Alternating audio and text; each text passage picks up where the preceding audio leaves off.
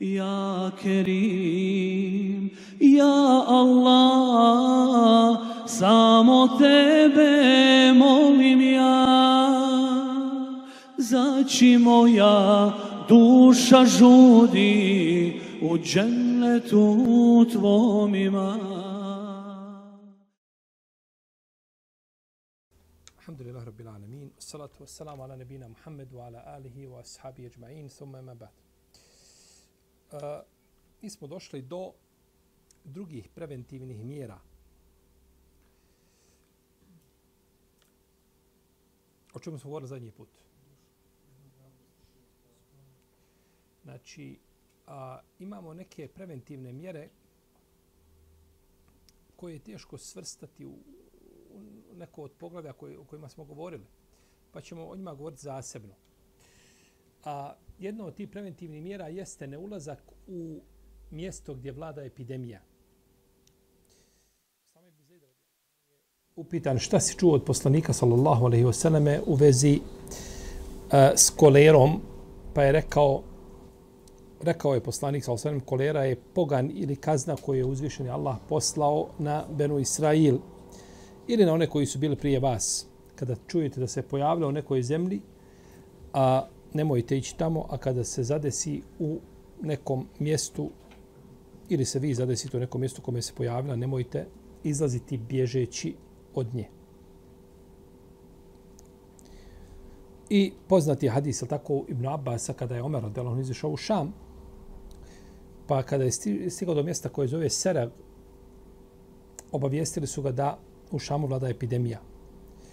Pa je naredio da mu pozovu a, muhađire, pa se savjetovao sa njima. Pa su imali opreča mišljenja. Neki su kazali jel, da je izišao od odrednog cilja i da ne bi trebao odustajati. Neko rekoše, ovaj, s tobom je ostatak ljudi ashaba poslanika, sa osaname, trebaš se vratiti. Pa je Omer rekao, u redu, možete ići. Pa je pozvojen Sarije, pa je sa njima savjetovao, pa, je, pa su isto imali oprečna mišljenja. Pa je pozvao uglednike iz plemena Kurejiš i oni su bili jednoglasni u mišljenju da se, trebaju vrat, da se treba vratiti nazad. Pa je rekao, Omer, ja se vraćam ujutru. Ja se vraćam ujutru. Pa je Bubejde prigovorio Omeru, kaže, jeli, zbog te njegove odluke, Međutim, nakon toga se pojavio Abdurrahman ibn Auf i rekao da je čuo od poslanika, sa osvijem da je rekao, je tako, ako se čuje da u jednom mjestu pojavila se epidemija, ne idite u njega, a ako se pojavi u zemlji u kojoj se već nalazite, ne izlazite bježeći od epidemije. Pa se Omer zahvalio Allahu i vratio se. Pa je Omerova procjena i odluka bila, ali pogledajte, Omer se savjetovao. Savjetovao znači sa ashabima, ovaj, savjet neće čovjeku štetiti a možemo koristiti.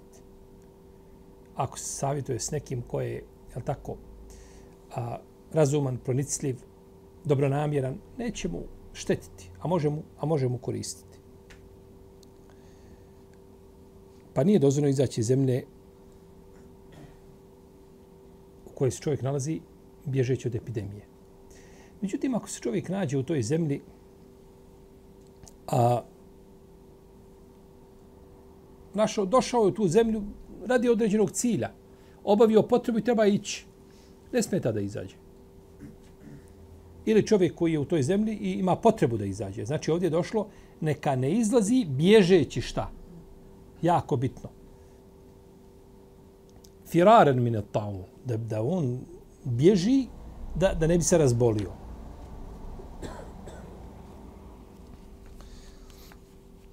kolera ne može pogoditi stanovnike Medine na osnovu hadisa kome kaže poslanik sa osrem na ulazima u Medinu su meleki i nju, u nju ne mogu ući kolera i deđal.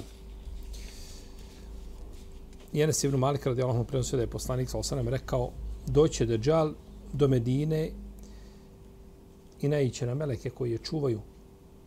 Zato u nju, inšala, neće moći ući deđal ni kolera.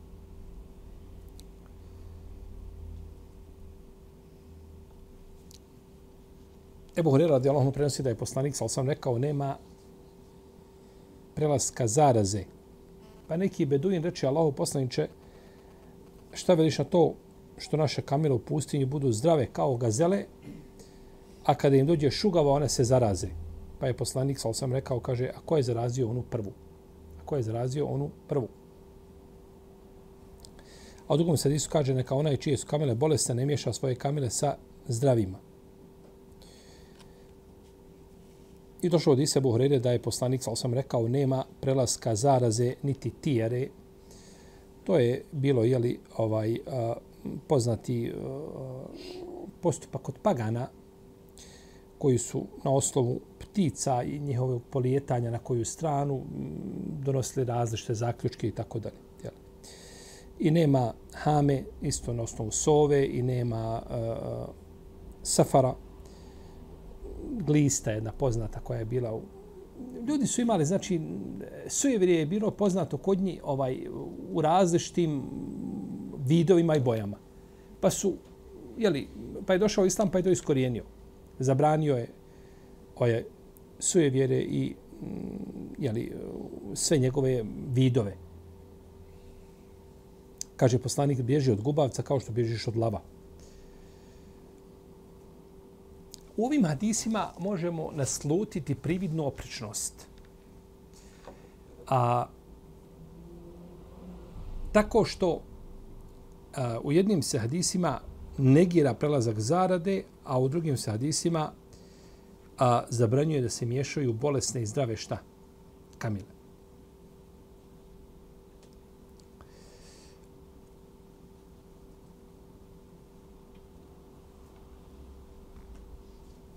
One su izrečene ove riječi da zašto čovjek od, ovaj, da, da se udalji od, od bolesne osobe koja ima nekakvu pre, zaraznu bolest, da čovjek ne pomisli da je to prešlo zato što on bio tu, a ne Allahovom šta? Odredbom. To je cilj. U protivnom ne može ovaj ništa se desiti osim jeli, Allahovom odredbom. Zaraza može preći s bolesnog na zdravog, na što ukazuje riječ poslanika, sam neka onaj čije su kamile bolesne, ne miješa svoje kamile sa zdravima. A, ali to ne znači da zaraza prelazi samo od sebe. Nego prelazi znači, jel tako, Allahom odredbom i dozvolom. A blizina je ta sama povod za da se čovjek razboli. Jer ako uzvišen Allah htio, bude htio, zaraza neće preći. Zaraza neće preći. I nije ovdje, ne radi se o derogaciji, da jedna, jedan hadis derogirao drugi ili drugi prvi ili tako, nije derogacija. Derogacija je ovaj, jeli, pitanje kome se pristupa eh, ili rješenje prividno oprešnih hadisa koji koje dolazi u kasnijoj nekakvoj fazi. A ako se mogu pomiriti, to je preče i bolje. Dalje, zabrana nemorala. Od preventiva za zdravlje jeste zabrana nemorala. Uzvišen Allah kaže i što dalje od bluda, to je razvrat i ružan put. I što dalje od bluda, to je razvrat i ružan put. Pa je ovdje zabranjeno sve što vodi ka nemoralu. Sve što vodi ka nemoralu. Bludik u času dok čini blud nije vjernik, I čovjek koji pije alkohol u čas dok ga pije nije vjernik. Čovjek koji krade u čas dok ga krade nije vjernik. Koji pljačka. Sve su došle za zabrane, je tako? Neki učenjaci kažu iziđemo, iziđemo iman iznad glave i potom mu se vrati kad prestane činiti to. Ali se time želi znači ukazati da je da je čovjek počinio veliki grih. Ibn Abbas radijallahu kaže da je poslanik sa osam rekao kada se pojave nemoral i kamata u jednom mjestu, njegovi stanovnici su time prizvali Allahu kaznu na sebe. Kada se prija, pojave nemoral i kamata.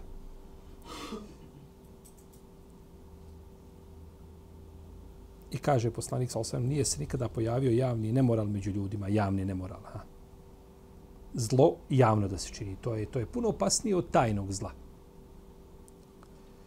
a da se, kaže, među njima nisu raširile kolera i bolesti koje nisu bile poznate njihovim predsima koji su živjeli prije njih. I došlo od Ise Buhurede da je poslanik Salsam rekao s trojicom je Allah neće na sudnjem danu razgovarati, neće ih očisti i neće ni pogledati i njima polna patnja pripada, pa je spomenuo starca bludnika, vladara lašca i oholog siromaha. I poslanik sa kada je uh, jel tako ovaj u noći kada je vidio one ajete i dokaze kaže noća su mi došla dva čovjeka postali su po mene i rekli pođi s nama pa sam pošao pa smo naišli na nešto poput furne pa smo kaže vidjeli u njoj gole muškarce i žene. I razbuktala vatra koja se kovitala oko njih. Pa je upitao ko su ovi kaže to su to su bludnici i bludnice to što kod Buhari u Sahiju kaznu koju će imati I blud je veliki grijeh. Međutim, nije taj veliki grijeh a, a, na istom stepenu. Jer učiniti nemoral sa, sa ženom koja je u rodbinskoj vezi sa čovjekom, ili tazbinskoj, majka, sestra, tetka, punica, je veći grijeh čiji učiniti grijeh, učiniti nemoral sa ženom koja je strankinja. Ili sa ženom koja je u, u, u bračnoj vezi, i djevojka. Veći je grijeh učiniti, jel tako, sa onom koja je u bračnoj vezi. Jer to ima hak i pravo koga? Muža. Učiniti nemoral sa komšinicom je puno veći grijeh od neke strankinje. Ali je u osnovi, znači, nemoral veliki grijeh. Jel? Isto tako, od preventiva jeste zabrana intimnog općenja u vrijeme hajza i nifasa. Uzvišenje Allah kaže i pitaju te o mm, o mjesečnom pranju, reci to je neprijatnost. I ne općite sa ženama dok se nalaze u tom vremenu. Ne prilazite im dok se ne okupaju. Nakon ovoga pos, ajeta poslanik je sam rekao, kaže, činite isna u kulle šein illa nikah. Činite sve osim intimnog odnosa. Osim intimnog odnosa.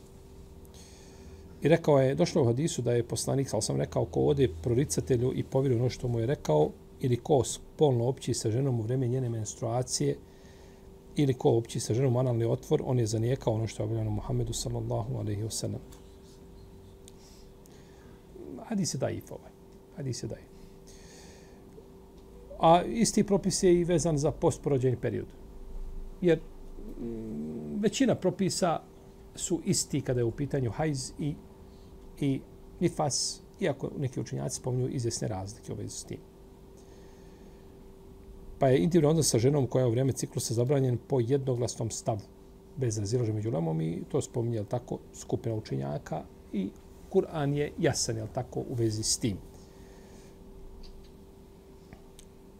Čak imam Dehlevo i navodi on učenjaka 12. učenjskog stoljeća navodi konsensus lekara o štetnosti intimnog odnosa u vrijeme ciklusa. Isto tako je zabrana intimnog općenja u analni, analni otvor.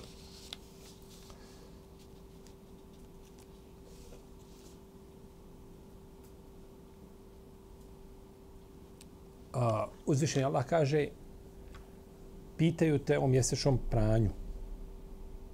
Jesenune kanal mahijad, kul huva ezan, fa'tezinu nisaje fil mahijad. Prethodi ajet koga smo spomenuli ovim ajetom pitaju o mjesečnom pranju, reci to je neprijatnost, učenjaci dokazuju da je zabranjen intimni odnos u analni otvor. Kako? Kažu, zabranjen je intimni odnos u vrijeme hajza zbog čega? Zbog nečistoće.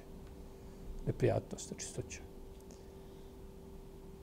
Pa nečistoća je puno veća kada se opći u analni otvor nego u...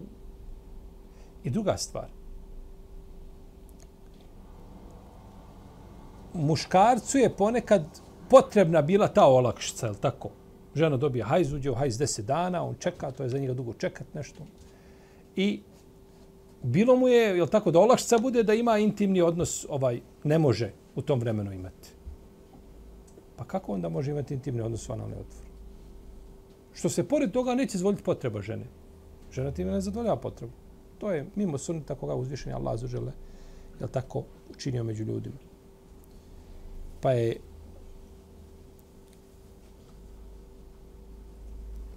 zabranjeno, znači, Iako danas imate, ali tako imate jednu šeitansku medresu koja poziva, kažu, nema, nema zabrane, nema jasne zabrane. Hadise svakako odbace, ajeti nema o tome ajeta jasnog, jel da je spomenuto i ovaj, svakodnevno dobijamo o tome pitanja. Pitanja. Žena, žena se ne mora pokriti, ne, ne mora, nema jasno ništa o pokrivanju žene. Buharija i Muslim nestali. Kao da nikad postojali nisu. Svi hadisi, što je poslanik nam govorio, izjave, izjave filozofa ljudi uzimaju bez ikakvih provjeravanja i oko toga se ne diskutira nikako.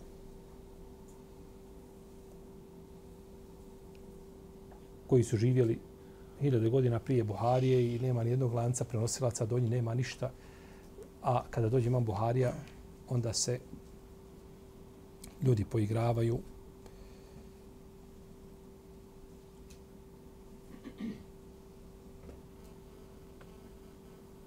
I ne treba ljudima više od toga. Da odbaci sunet poslanika, sa sve mogu se učiniti Allahu kaznu. Ništa drugo. Je to odbacivanje vjere. Pa je znači zabranjeno došlo u hadisu u zemlji ibn Sabita da je rekao poslanik sa Allah se ne stidi istine, nemojte, kaže, opći sa ženama u njihom analni otvor. To bliže imam Ibn Mađe, imam Ahmed i drugi sa vjerodostanim lancem. Zabrane. Allah se ne stidi istine. Pa imam Tahawi u Šerhul Me'ani, Munziri u Targibu i Ibn Qajim Hejtem i drugi spominju brojne hadise vezane za zabranu. A, čak imam tamo i kaže, ovdje se mutevatir predanja koji zabranjuje općenju na leotvoru. Mutevatir predanja. A mutevatir predanja kad dođu ne gledaju se jesu li sahih, jesu li daif. To je sve, znači, ulazi, znači, zajednički, znači, je ovaj snaga, jer ima mnogo, znači, sahih predanja, ima i daif predanja, i ona su kao značenja prihvatljiva u tom slučaju jer, jer, jer, jer su vezana za, za, za sahih značenja. Jel? A Ibn Kajim spominje 17 razloga zbog čega je zabranjeno intimno opći sa ženom. Imate to u Zadul Madu. Imate sad ovaj Zadul Mad preveden. Jel tako? I kaže na kraju, kaže, ni jedan vjerovjesnik, ni jedan vjerovjesnik nije to dozvolio svome narodu ni u jednom umetu to nije bilo dozvoljeno.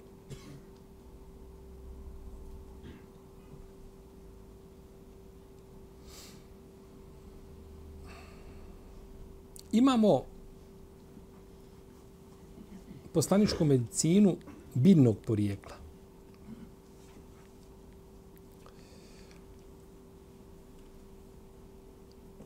U sunetu se navode brojni hadisi poslanika, sallallahu alejhi koji se mogu koristiti a, kao preventiva za određene bolesti. A ovdje ćemo govoriti o poslaničkoj medicini koja je zastovana na ljekovima biljnog porijekla. Prvo imamo crnu sjemenku. Čoreku. Habetun seuda. To je blagoslovljeni lijek za koga je poslanik sa rekao, preporučio ga svojim stedbenicima, i rekao ove crne sjemenke su lijek za svaku bolest osim za smrt. I to je došlo u drugom hadisu Ebu Hureyre isto. I prenosi se da je poslanik sa osam rekao liječite se ovom crnom sjemenkom u njoj je lijek za svaku bolest osim smrti. A u drugoj verziji stoji nema ni jedne bolesti da u crnoj sjemenci nije za nju lijek osim smrti. Pa islamski učenjaci razilaze šta znači ove riječ, riječ za sva, lijek za svaku bolest. Lijek za svaku bolest. Neki smatruju da s hadisom ne cila njegov spoljošnje znači. Već se želi kazati da crna sjemenka liječi većinu bolesti i veliki broj bolesti, a ne baš svaku bolest. Ne svaku bolest.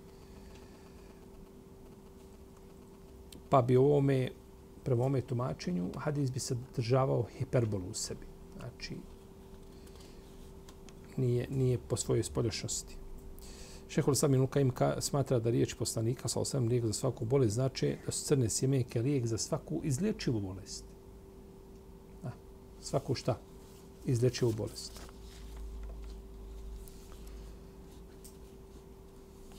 A Imam El Kirmani u svome komentaru na Buharin Sahih kaže nije isključeno da se ovim cilja da su lijek za svaku bolest ako se koriste pomiješana ovaj eh, čoreko tako se komiši, koristi pomiješan sa drugim ljekovima, drugim preparatima. Jer je poslanik sa osnovim preporučivao i ostale da se ljudi liječe i eh, jeli, sa drugim stvarima mimo, mimo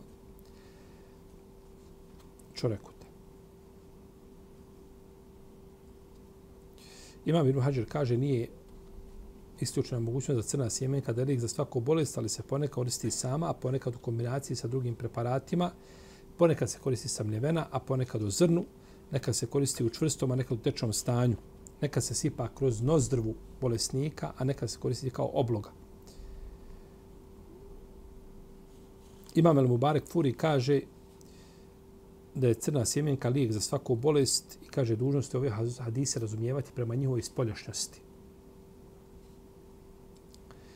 Jer na kraju se ka, hadisa kaže osim smrti.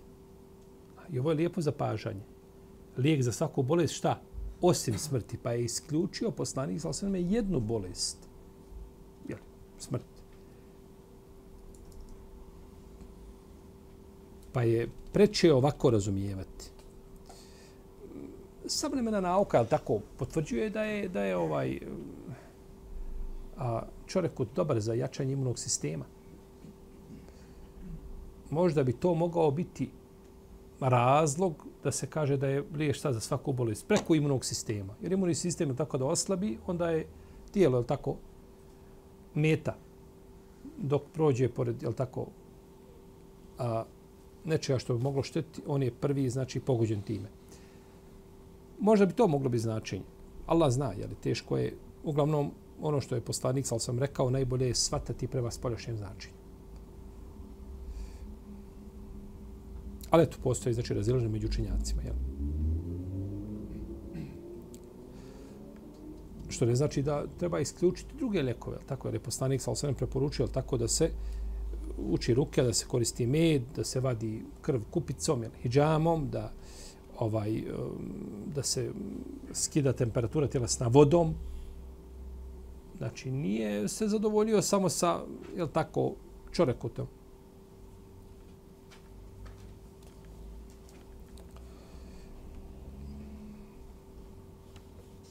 u sunetu poslanika sa sve ne postoje hadisi koji ukazuju kako se koristi crna sjemenka.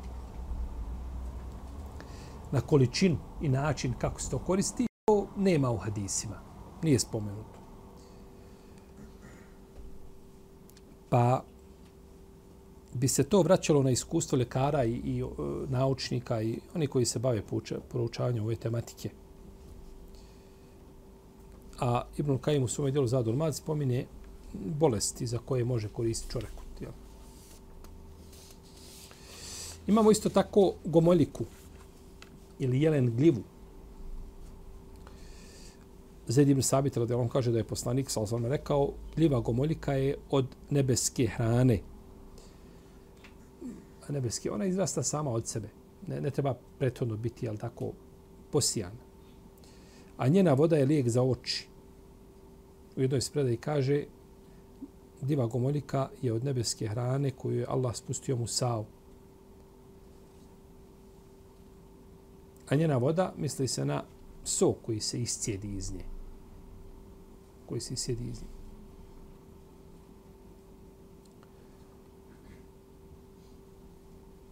Ebu Rero, da on kaže da su sahabi govorili, zimska gomoljika je jelen gljiva. Allahov poslanik, sa osam je rekao, gljiva gomoljika je od nebeske hrane i njezin sok je lijek za oči.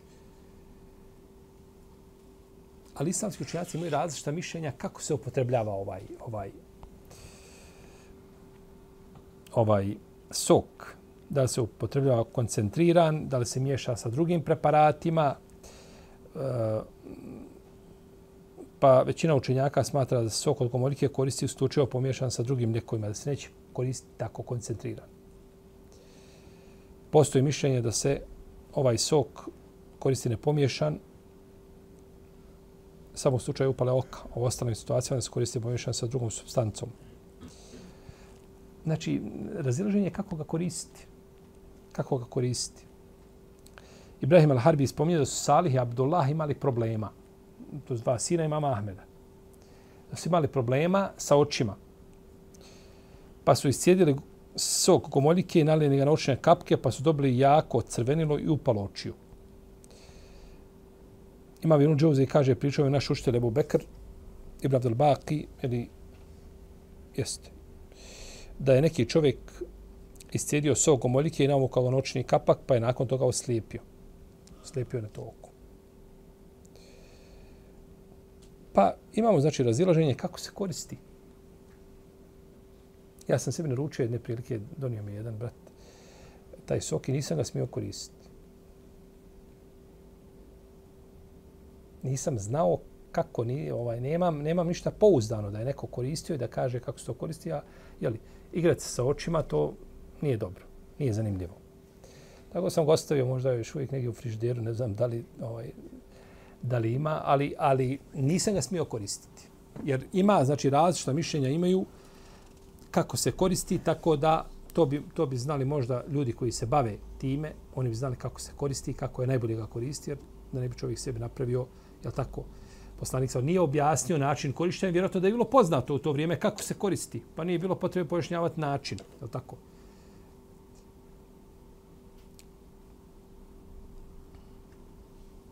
Kaže, ima birmu i ajni, kaže, gomolikin sok treba pomiješati sa surmom i mljevenim cinkom i na takav način se postiže željeni efekat.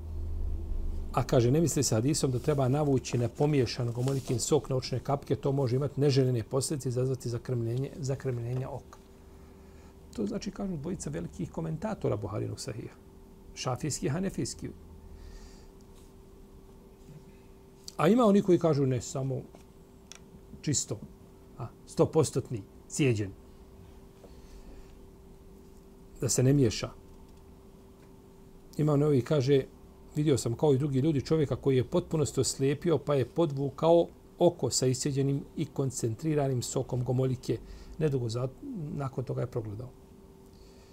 To je bio šejh Kemal, Kemal bin Abdullah Dimaški. Bio je dobar čovjek, on je umro 672. heđarske godine.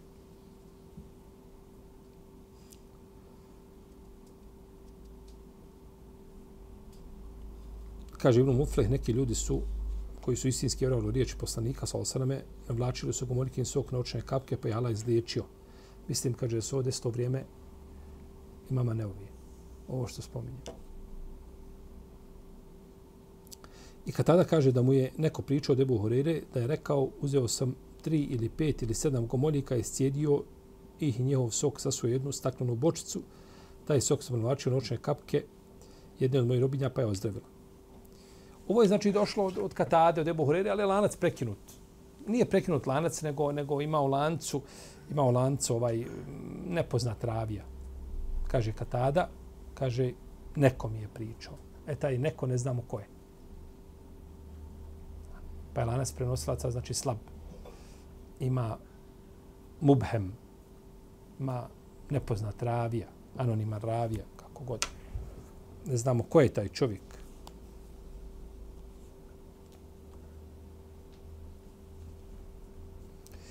Lijek za oči. Neki učenjaci kažu misli se lijek za urok, a ne za oko.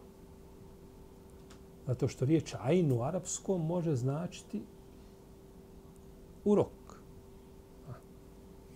El ajnu hak. Urok je stvarnost, istina. Ajn, riječ ajn u arapskom ima brojna značenja.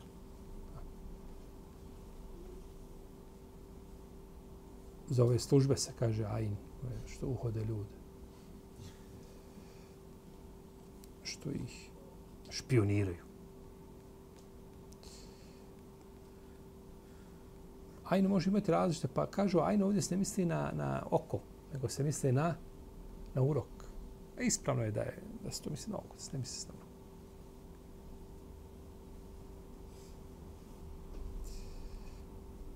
Imaju tri vrste ove gomoljike. Crna, crvenkasta i bijela. Crna je otrovna, crvenkasta izaziva davljenje ili gušenje, a ova bijela, ona je za oko. Pa znači treba znati koja vrsta, je tako? Čovjek otišao u šumu, nađe gljiva i odmah kući ženi pravi burek od gljiva. Kakve gljive, otrovne, otrovne, pravi ala bereke. Mora tako poznavati šta je. Tako isto i ovo.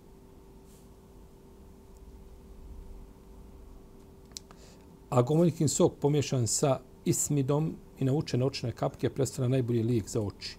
Govorit ćemo o ismidu, doćemo do toga.